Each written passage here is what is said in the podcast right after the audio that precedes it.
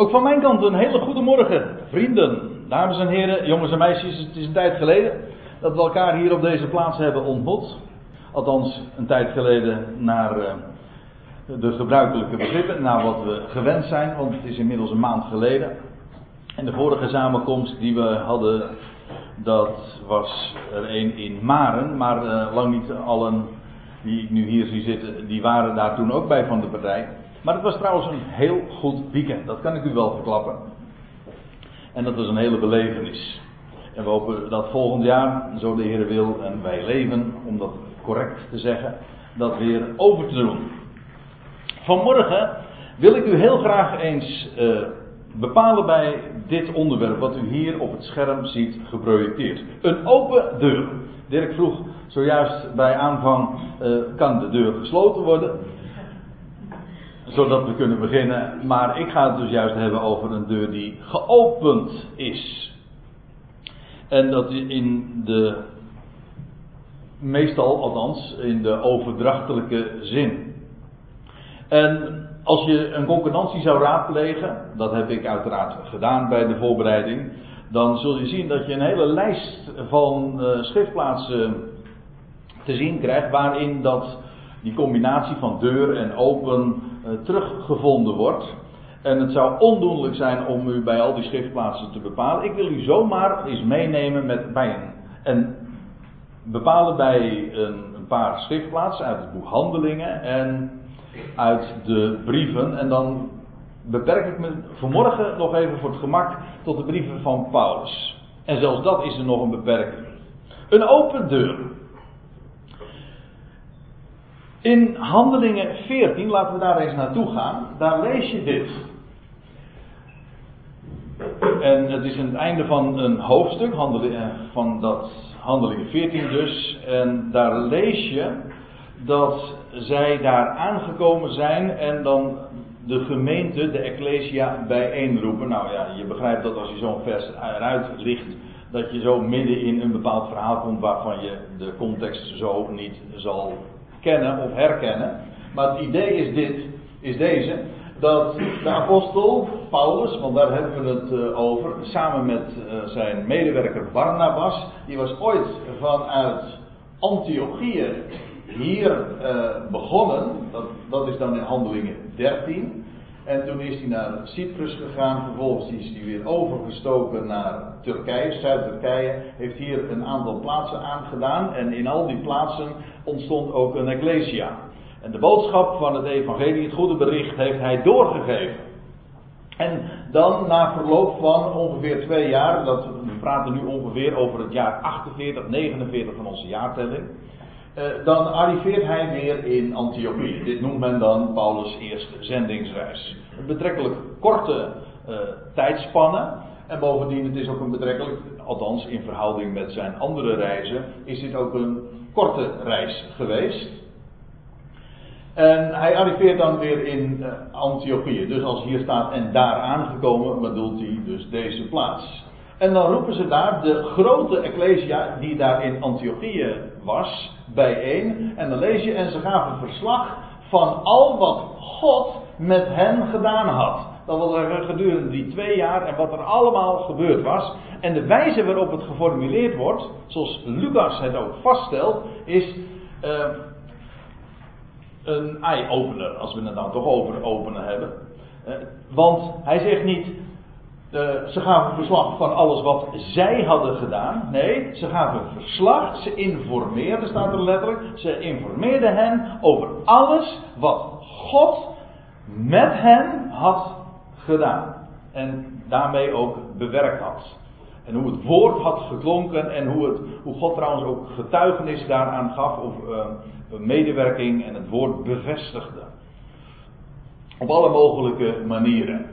En dan vervolgens, en dat hij ook, hij, God dus, ook voor de heidenen, dat wil zeggen de natieën, de niet-Joden, een deur van geloof had geopend. En dat ook voor de natieën, dat wil dus zeggen, nu niet alleen maar voor Israël. Kijk, de eerste tien hoofdstukken, de eerste negen hoofdstukken als ik het eh, correct zeg, dan is het de boodschap van het evangelie, van de opgestane Messias, is nog uitsluitend geadresseerd aan het Joodse volk. Met reden overigens, de twaalf hadden die missie ook. Ze moesten eerst, Israël zou tot bekering komen, en dan zou de Messias terugkeren. Maar, nou ja, wat je dus vindt is dat er een kink in de kabel komt. De, het Joodse volk uh, wijst de boodschap van regeringswegen zelfs af. Het Sanhedrin.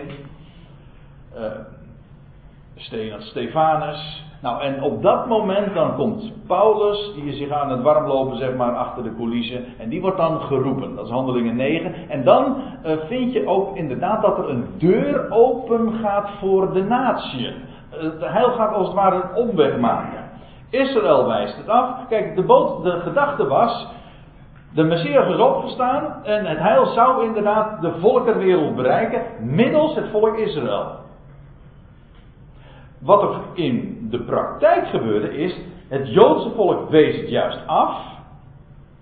En niet dankzij het Joodse volk, maar ondanks het Joodse volk komt het bij de natie terecht, maar op een verborgen manier.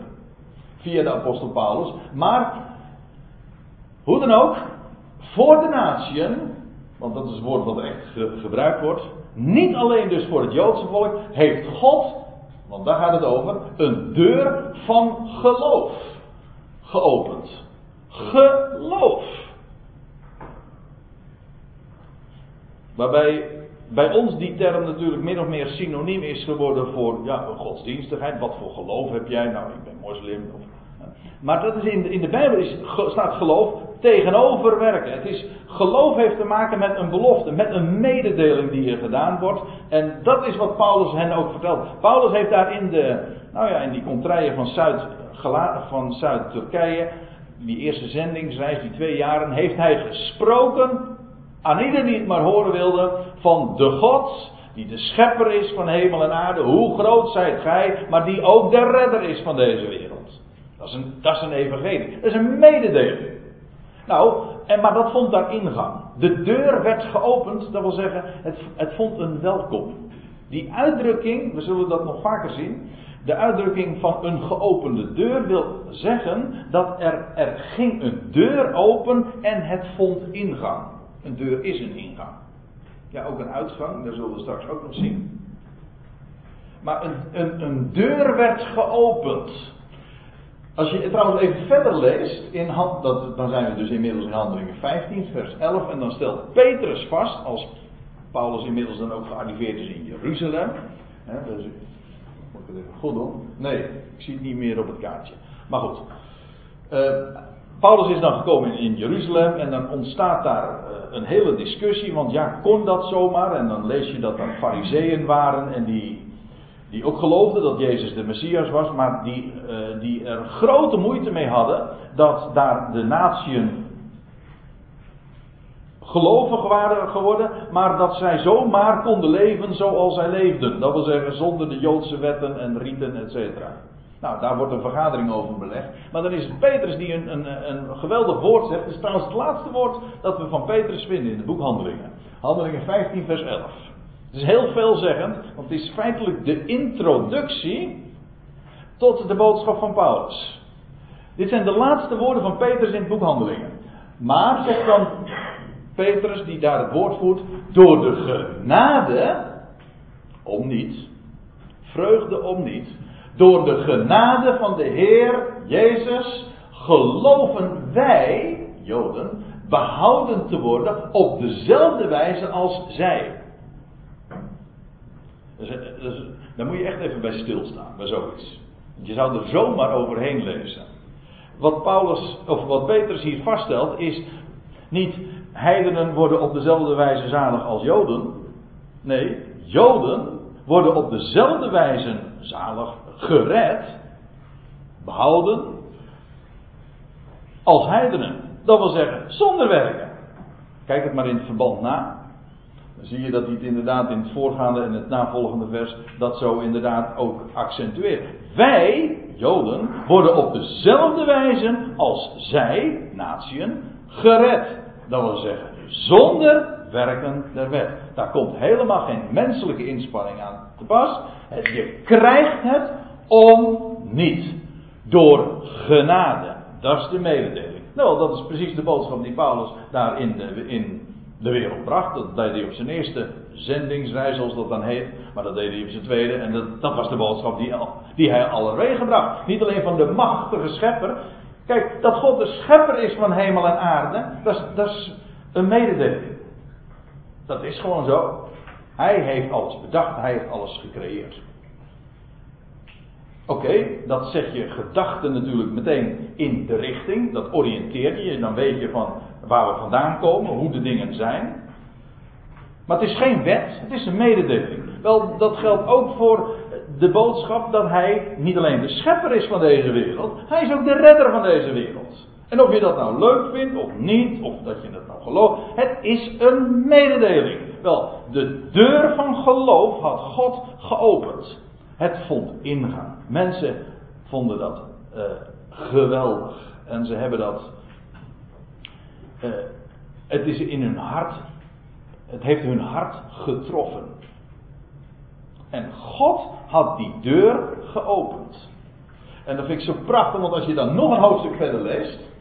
In Handelingen 16, daar vind je een, ook in. Uh, dat was in Thyatira. Nou, een vrouw uit Thyatira. Dan lees je in Handelingen 15, vers 14. Een zekere vrouw, met name Lydia. Een purperverkoopster uit Thyatira staat er. Een vrouw die God vereerde. Hoorde toe en de Heere opende haar hart. Nou, dat vind ik wel een hele mooie. In dit verband, als we het hebben over open deuren.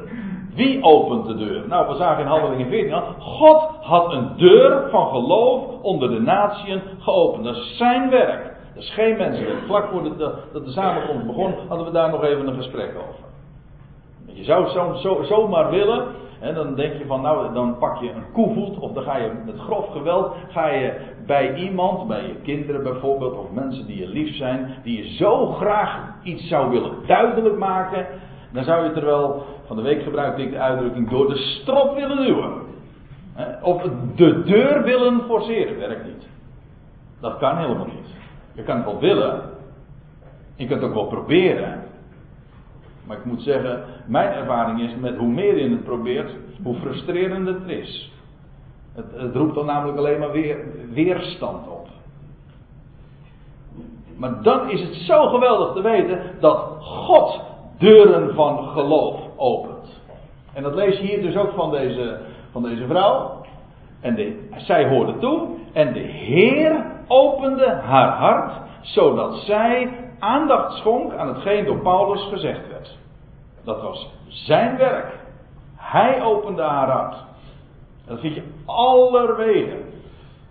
En ik heb daar een, uh, ja, ik heb er een hele verzameling van aangelegd, maar ik wil u één voorbeeld daarvan geven. Eén, één hoofdstuk waarin dat zo prachtig in één keer kan laten zien. Waar je, dat, waar je dat prachtig terugvindt. En dat is in Lucas 24. Dat was de dag dat Jezus verrees uit de doden en dat het graf werd geopend. Lucas 24. Het graf werd geopend. Ja, hoe? Was ook geen, daar kwam ook geen mensenhand aan te pas. Dat was Hij die opent. En als God opent, dan is er niemand die iets kan sluiten. Hè? Ik trouwens het laatste diaatje dat ik laat zien uit openbaring 3. Nou, daar vind je ook die woorden. Als hij opent, dan sluit niemand. Als hij sluit, dan opent ook nog niemand. Omgekeerd is het ook zo.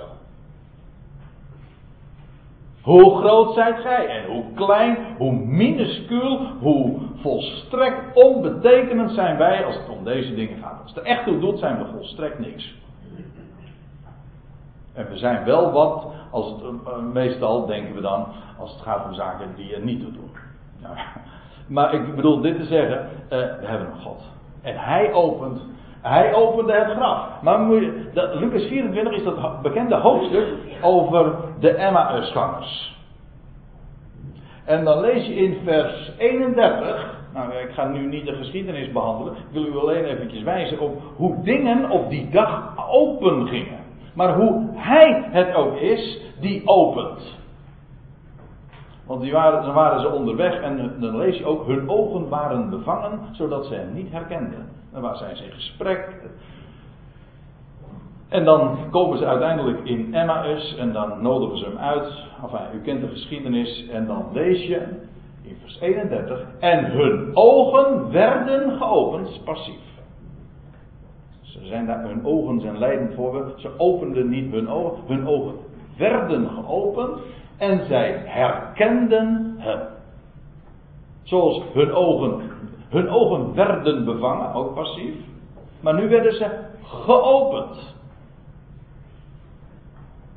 Hun ogen werden geopend. Als je dan nog, nog een vers verder leest, dan, laat, dan, dan, ja, dan als er eenmaal die herkenning daar is, dan maken ze meteen weer uh, de reis terug naar Jeruzalem.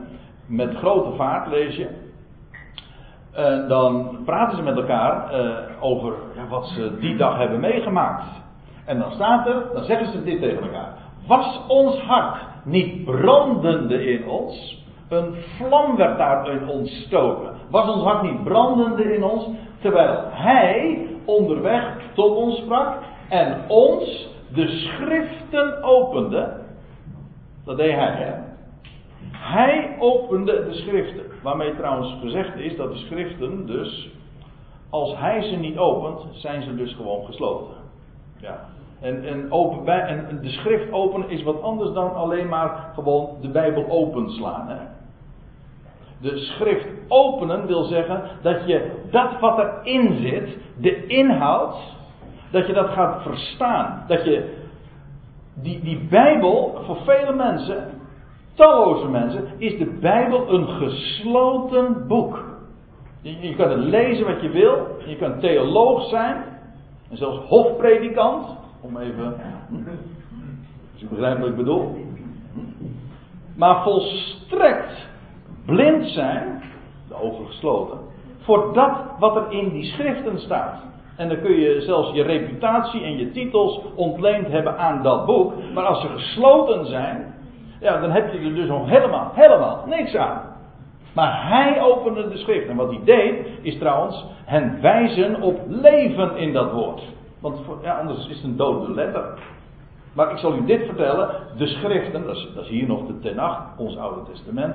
Dat is boordevol leven. Dat spreekt allemaal van dit geopende graf. Allemaal. Zou u zo mee kunnen nemen van Genesis 1 en ik stel me zo voor dat Jezus dat onderweg net zo goed gedaan heeft. Hoe hij van Mozes, te beginnen bij Mozes en al de schriften hen geopend heeft en liet zien wat op hem betrekking had. De schriften gingen open. Deed hij zijn werk. Dus de harten gingen open. De ogen gingen open. De schriften gingen open. Dan lees je ook nog in vers 45. Is op een nog iets later tijdstip. Dan lees je dat ze inmiddels gearriveerd zijn in Jeruzalem. En dan staat er. Toen opende hij hun verstand. Zodat zij de schriften begrepen. Verstonden. Dus dan zit je verstand ook nog eens een keer op slot.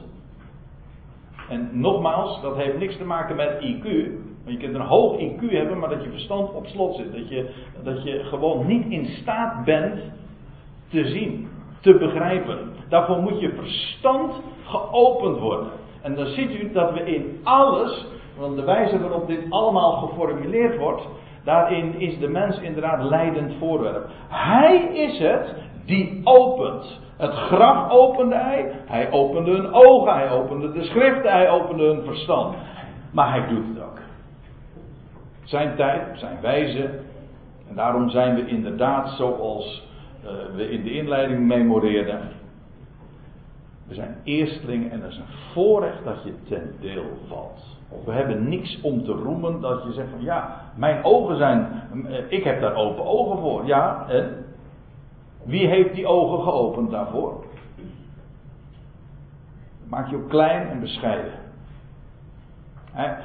Maar het is een geweldig voorrecht. Het is een geweldig voorrecht als je dat mag kennen. Afijn, die deur van geloof was geopend voor die machtige mededeling, voor dat machtige bericht dat Paulus had verkondigd. Een andere stukplaats, 1 Korinthe 16. Nou vind je ook die uitdrukking een geopende deur. En daar staat, dat is ook meer, uh, min of meer in het, uh, uit zijn, uit zijn verband gerukt, als ik dat zo aanhaal. Maar je leest dit, dat, dit is het laatste hoofdstuk van de eerste Korinthebrief, dat Paulus uh, nog de groeten doet en nog wat huishoudelijke mededelingen doet. En hij zegt dan, ik zal nog tot Pinksteren, dat is Joodse wekenfeest, te Efeze blijven. Hij schrijft dus de Korinthebrief vanuit Efeze.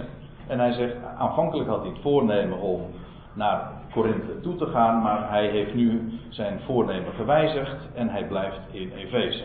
Goed, waarom? Want daar gaat het nu om.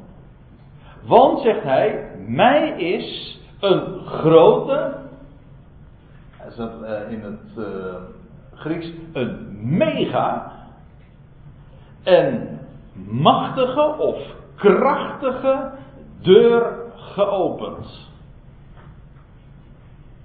En een soortgelijke uitdrukking bezigt hij ook in 2 Korinthe 2. Ik had hem er eerst maar de verzameling werd een beetje te groot om hem er nog ook te bespreken. Het idee is deze. Er is mij, ook hier weer de passieve, die, niet Paulus heeft die deur geopend. Er is mij een mega en krachtige deur geopend. Dat wil zeggen, het woord dat hij kwijt wilde en wat hij had te spreken, dat vond ingang. De deuren gingen daarvoor open. Of zoals het hier staat in het enkelvoud, maar wel, inderdaad, enkelvoud, maar wel een mega. Een grote en een krachtige deur. Dus daar, dat was ook de reden waarom hij in Efeze toch bleef en zijn voornemen moest wijzigen. Hij kon, de deur was geopend, zo groot, zo machtig, dus hij wilde daar blijven. Paulus had één groot, uh, um, zijn focus was hierop gericht en zijn één groot doel en dat is dat te vertellen. Hoe groot hij is. Nou, en die daar werd zomaar een deur voor geopend. En als, je dat, als die deur niet geopend wordt, dan, uh, dan mag die boodschap nog zo groot en rijk zijn, maar je raakt het aan de straatsteden niet kwijt, zeg ik wel eens. Dat is echt zo. Ja, het, is, het evangelie is zo'n geweldige boodschap. En, en, dan uh, lees ik heel dikwijls, toch wel, want ja, ik heb die achtergrond, dat raak je niet kwijt. Ik lees heel vaak de pagina kerknieuws en uh, de christelijke wereld. En dan, dan denk ik zo vaak, hoe armentierig is het dat wat verteld wordt. Niet alleen armetierig, het is zelfs triest. Het is niet eens een niet zo goed bericht, het is een uitgesproken slecht bericht. En het wordt verkocht, want zo in die sfeer ligt het toch ongeveer, want er moet een prijs voor betalen. Het wordt nog verkocht ook, wat het des te slechter maakt. Voor evangelie. En als je dan werkelijk vertelt, met de bonnetjes erbij hoe het staat geschreven, waar men zich dan op roept, want men is protestant, dus daar beperk ik me dan ook nog maar even toe.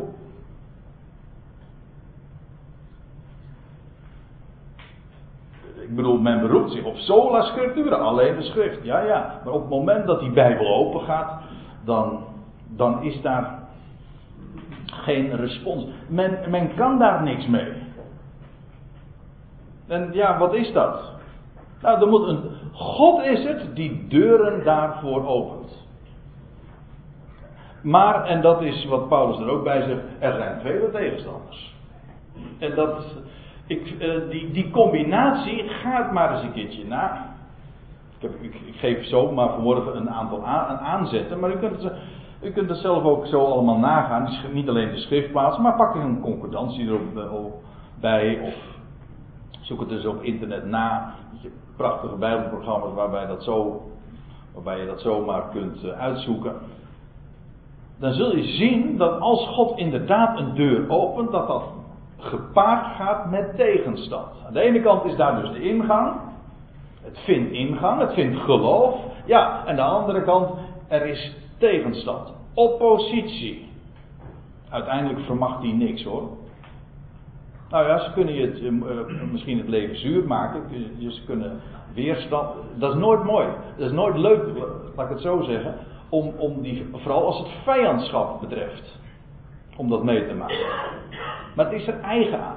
Als het woord doorgeeft en vindt geloof. Ja, maar het vindt net zo goed ongeloof. En niet alleen ongeloof zo van. uh, aan ons is het niet besteed, maar juist vanuit de godsdienstige wereld vindt het uitgesproken weerstand. Dat kom je dan tegen. En Paulus schrijft erover. Er, er is een, weliswaar een grote en machtige deur geopend, maar, of en, er zijn. Nee, er staat inderdaad niet eens maar, er staat en. Het is, het is dus, dat hoort dus gewoon bij die, die, die grote machtige deur. Paulus beklaagt zich er niet over. Hij zegt, en er zijn vele tegenstanders. Wat trouwens uh, de boodschap nog alleen maar kan onderstrepen. Dat is echt waar. Juist door tegenstand, door vijandschap, kan juist de aandacht gevestigd kan, dat gebeurt ook echt. Ik had van de week nog even over. Dat was een aanleiding van dat uh, boek dat, uh, dat ik dat ik heb eh, mogen schrijven of niet. Nou, ik heb geen boek geschreven, maar in ieder geval dat stukje is geschreven, dat is gebundeld. Eh, waarom het evangelie echt een goed bericht is. En toen, ging, toen had ik er van de week nog even een gesprekje over. Ik al, het ging over de vraag of er nog een recensie al uh, was ergens uh, was verschenen van dat boek. Nou, ik heb een hele mooie recensie gelezen, Anke. maar dat stond weer niet in een blad. En toen ging het er even over van, nou, het is mooi natuurlijk als, een, als de boodschap die je mag uitdragen, als dat wordt aanbevolen.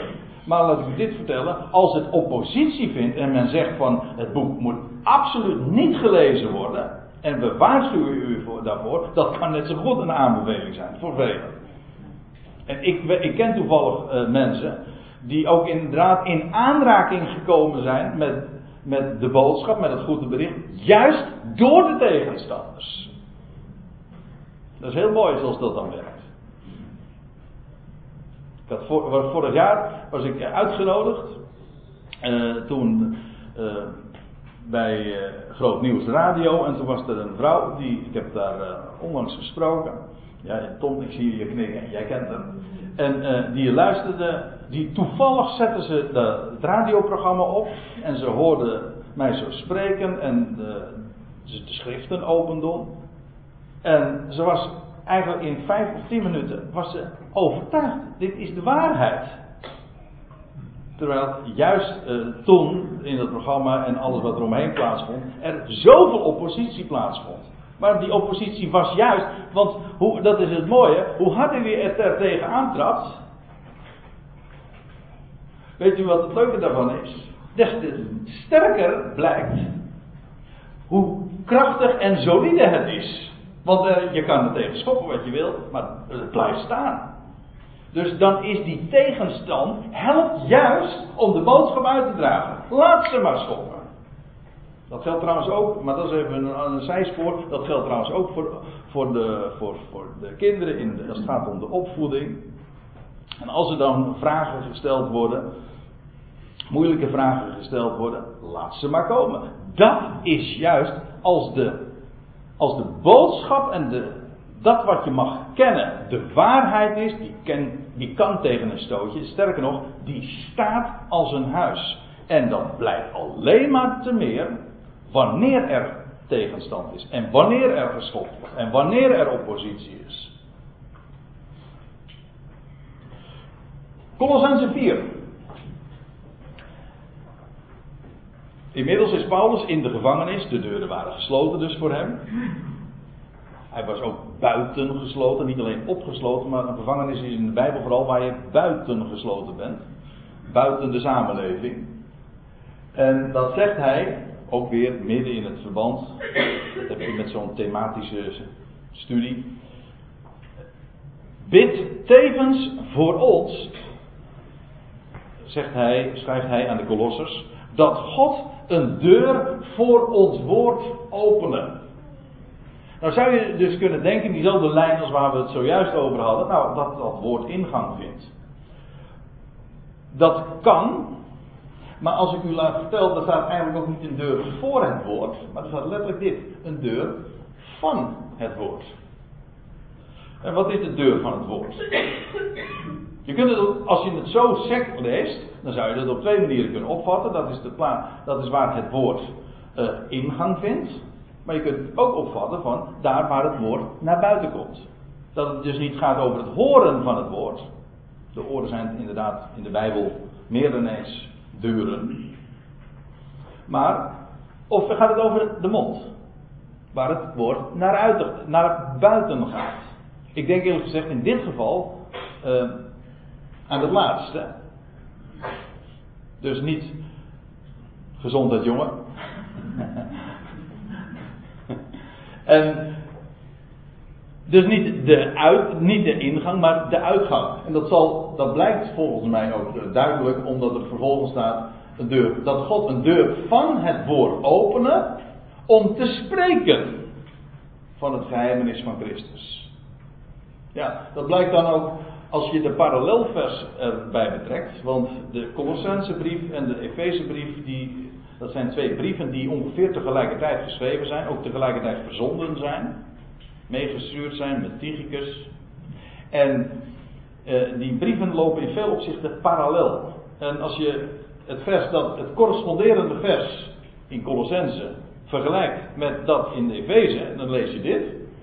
Dat mij, schrijft Paulus dus, bij het openen van mijn mond, dat is die deur, het woord geschonken worden om vrijmoedig het geheim of het geheimenis of de verborgenheid van het evangelie bekend te maken. Ik haal dit ook even aan om te laten zien dat het eh, hier gaat over de, de deur van het woord. Dat, is dus, dat, kan de oren, dat kunnen de oren zijn, de deuren, maar hier is de mond. Die geopend wordt. God opent, ja, we hebben nou inmiddels uh, al een heel lijstje aangelegd van wat God allemaal opent. Maar hier wordt ge, gevraagd en voorbeden gedaan voor het openen van deze deur. Dat het, de mond geopend wordt. En dat God jou de woorden geeft. Zodat die woorden naar buiten gaan. Het woord geschonken worden, ja, welk woord? Het geheimenis van het evangelie. En als ik nou weer even terug ga naar Colossense 4. Dus waar stond dat God een deur van het woord opende om te spreken. Het mond, de mond. Het geheimenis van Christus, ter wille waarvan ik ook gevangen zit. En het is een beetje met aarzeling dat ik dit nu toelicht, want ja, dit dit is daar is nog wat voor vereist. Is, ik kan het simpel zeggen. Wat is dat geheimenis nu waar Paulus over heeft? Kijk, Paulus, Paulus heeft brieven nodig om daarover te spreken. Paulus, aan Paulus waren verborgenheden geopenbaard. En als hij spreekt over het geheimenis of over de verborgenheid, zo dikwijls in zijn brieven, dan bedoelt hij niet, uh, niemand mag het weten. Nee, met het geheimenis bedoelt hij, het, eh, het is hoezo een geheimenis? Niet niemand mag het weten, maar niemand wist het van tevoren. Had hij ook al uh, uitgelegd in Colossense 1, in Efeze 3, van dat in vroegere generaties en eerdere geslachten het niet bekend is gemaakt. Het is nu aan hem geopenbaard. Nou, en waar heeft dat mee te maken? Nou, met datzelfde verschijnsel als waar ik het in het begin al even over had. Namelijk dat. Ja, ik heb dit, deze, dit verkeersbord met die U-bocht. Heb ik er maar bij gezet omdat dat een mooi embleem vind. Om dat het te maken heeft met het feit dat God nu een omweg maakt naar de natie. Hij passeert Israël, hij heeft Israël even tijdelijk geparkeerd. Dat Israël dat niks, of het Joodse volk dat afwerend is en ongelovig is voor het woord. En wat doet God dan? Laat God zich hinderen? Nooit. Dan opende hij een deur van geloof naar de natie. Om uiteindelijk weer terug te keren bij zijn volk. Absoluut. Maar dit is die omweg. Daar heeft die verborgenheid mee te maken. Dat was in vroegere generaties, zegt Paulus, nooit geopenbaard. Dat God die weg zou gaan. Onafhankelijk van het Joodse volk. En in het verborgene. Dat hij nu onder de natie een werk doet zijn werk. Want in deze tijd, waarin Israël terzijde staat, waarin, zijn, waarin Christus niet openbaar wordt, integendeel, hij is verborgen, alles is verborgen, er valt niks te zien. Nee. Maar dat is nu even alles te maken met het geheimenis van Christus. En dan zegt Paulus, terwille waarvan ik ook gevangen zit. Ja, want waar Paulus zat gevangen, waarom? Omdat het Joodse volk afwezend of afwijzend was ten opzichte van het feit dat hij naar de natie ging. Dat riep zoveel weerstand op.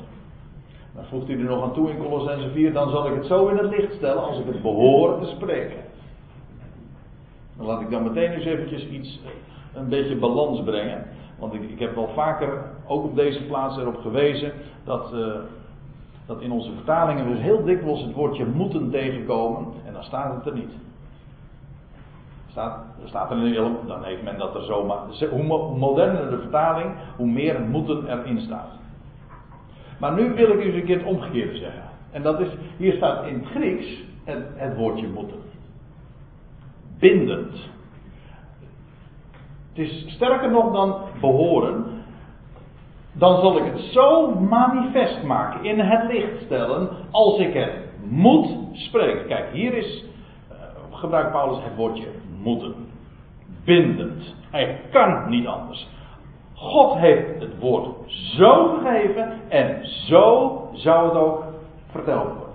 En niet anders. Er zijn geen opties van ja, je kan het een beetje schipperen, want ja, dat ligt een beetje moeilijk en gevoelig, moet je, je anders vertellen. Nee, Paulus zegt, zo moet ik het vertellen en niet anders.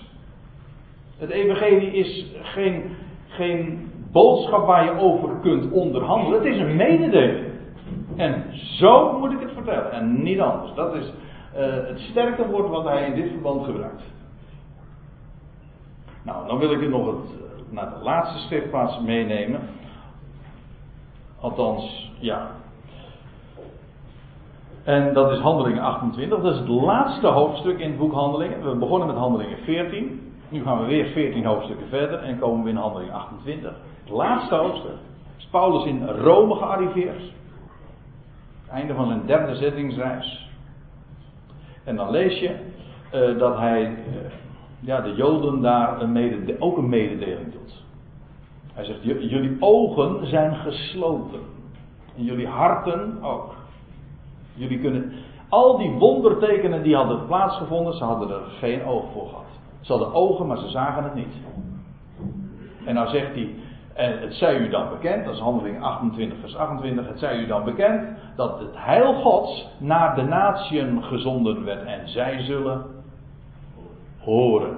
Niet zien, er valt niks te zien vandaag, er valt zoveel meer te horen. Zij zullen horen. Nou, en dan lees je dat Paulus daar in uh, Rome dus is. En hij heeft dat zo bekend gemaakt. En dan lees je. En hij bleef. Dit zijn de laatste. Dit is het ene laatste vers van handelingen. Hele boek handelingen. En hij bleef de volle termijn van twee jaar.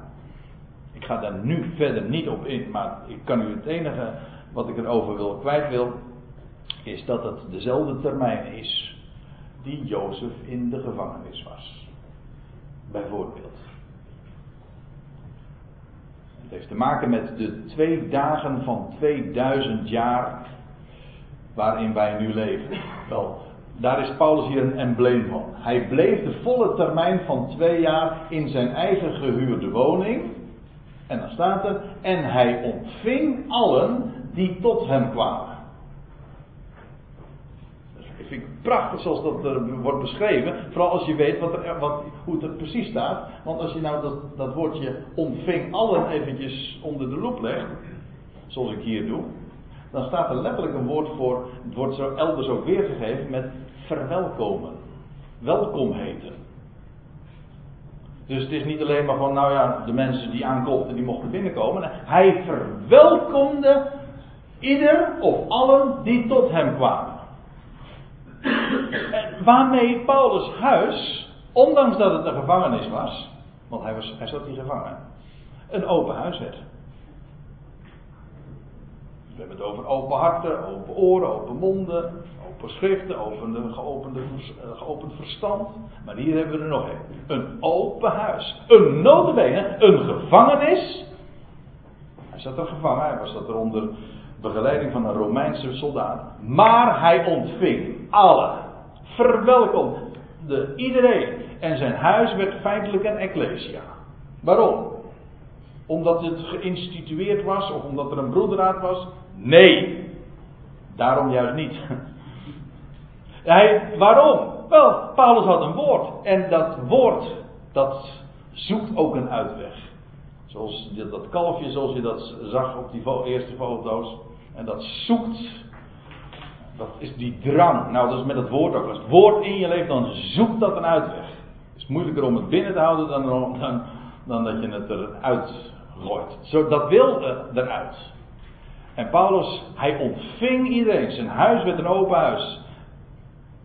Hij ontving allen en verwelkomde iedereen die tot hem kwam. Predikende het koninkrijk Gods. En onderricht gevende. Het koninkrijk Gods, daar had hij een heleboel over te onderwijzen trouwens. Hoe dat een omweg had gemaakt. Die U-bocht, weet u wel. Ja, dan moest hij onderwijs geven. Dat moet je verklaren. Wat ik vanmorgen even niet kon doen. Maar dat vergt uitleg. Maar dat is juist het geweldige van die Bijbel. Als die, als die Bijbel dan open gaat en je verstand wordt verlicht en geopend. Ja, dan gaat dat zo spreken en dan gaat je hart branden. Hij predikte, hij, letterlijk staat er, hij herrouwde het koninkrijk gods. Hij gaf onderricht aangaande de Heer, Jezus Christus. Heer, Curios. De eigenaar. Van wie wij zijn. In wiens hand wij zijn. Voor wiens rekening wij zijn. Die voor ons zorgt. Die gesteld is tot Heer van allen. En hij is Jezus. Jaweh is redder. En hij is de gezalfde. Dat wil zeggen, hij heeft geest Gods ontvangen. En hij is opgewekt uit de doden. Zodat deze titel veel meer is dan je ze misschien uh, op het eerste gezicht zou denken. Als het woord ontleent, als het woord echt opent, dan, dan, dan straalt daar geweldig veel licht uit. Hij gaf onderricht aangaande de Heer Jezus Christus. En dan nog bij aan toegevoegd met alle vrijmoedigheid. Dat wil zeggen, hij is, het woord vrijmoedigheid dat betekent letterlijk dat paresia Par betekent alles en paresia heeft te maken met spreken. Je zegt alles. Je houdt je niet in. Je zegt dat wat je moet zeggen. Moet zeggen. Zonder te marchanderen. Met alle vrijmoedigheid. En dat staat er nog bij.